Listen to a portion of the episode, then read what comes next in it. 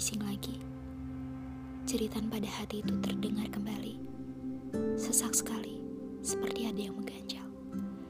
Lampu kamar mulai meredup, seakan takut dengan tangisan yang kian detik kian menderas.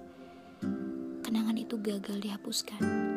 Sesaat tangisanku mereda, mencipta lekuk senyum yang kaku tercipta berdampingan dengan Lara. Memikirkan tentang hal baru yang tumbuh belakangan ini. Tentang rindu hati yang kembali merekah. Ia merekah, namun tidak sempurna sebab cintanya tak sampai.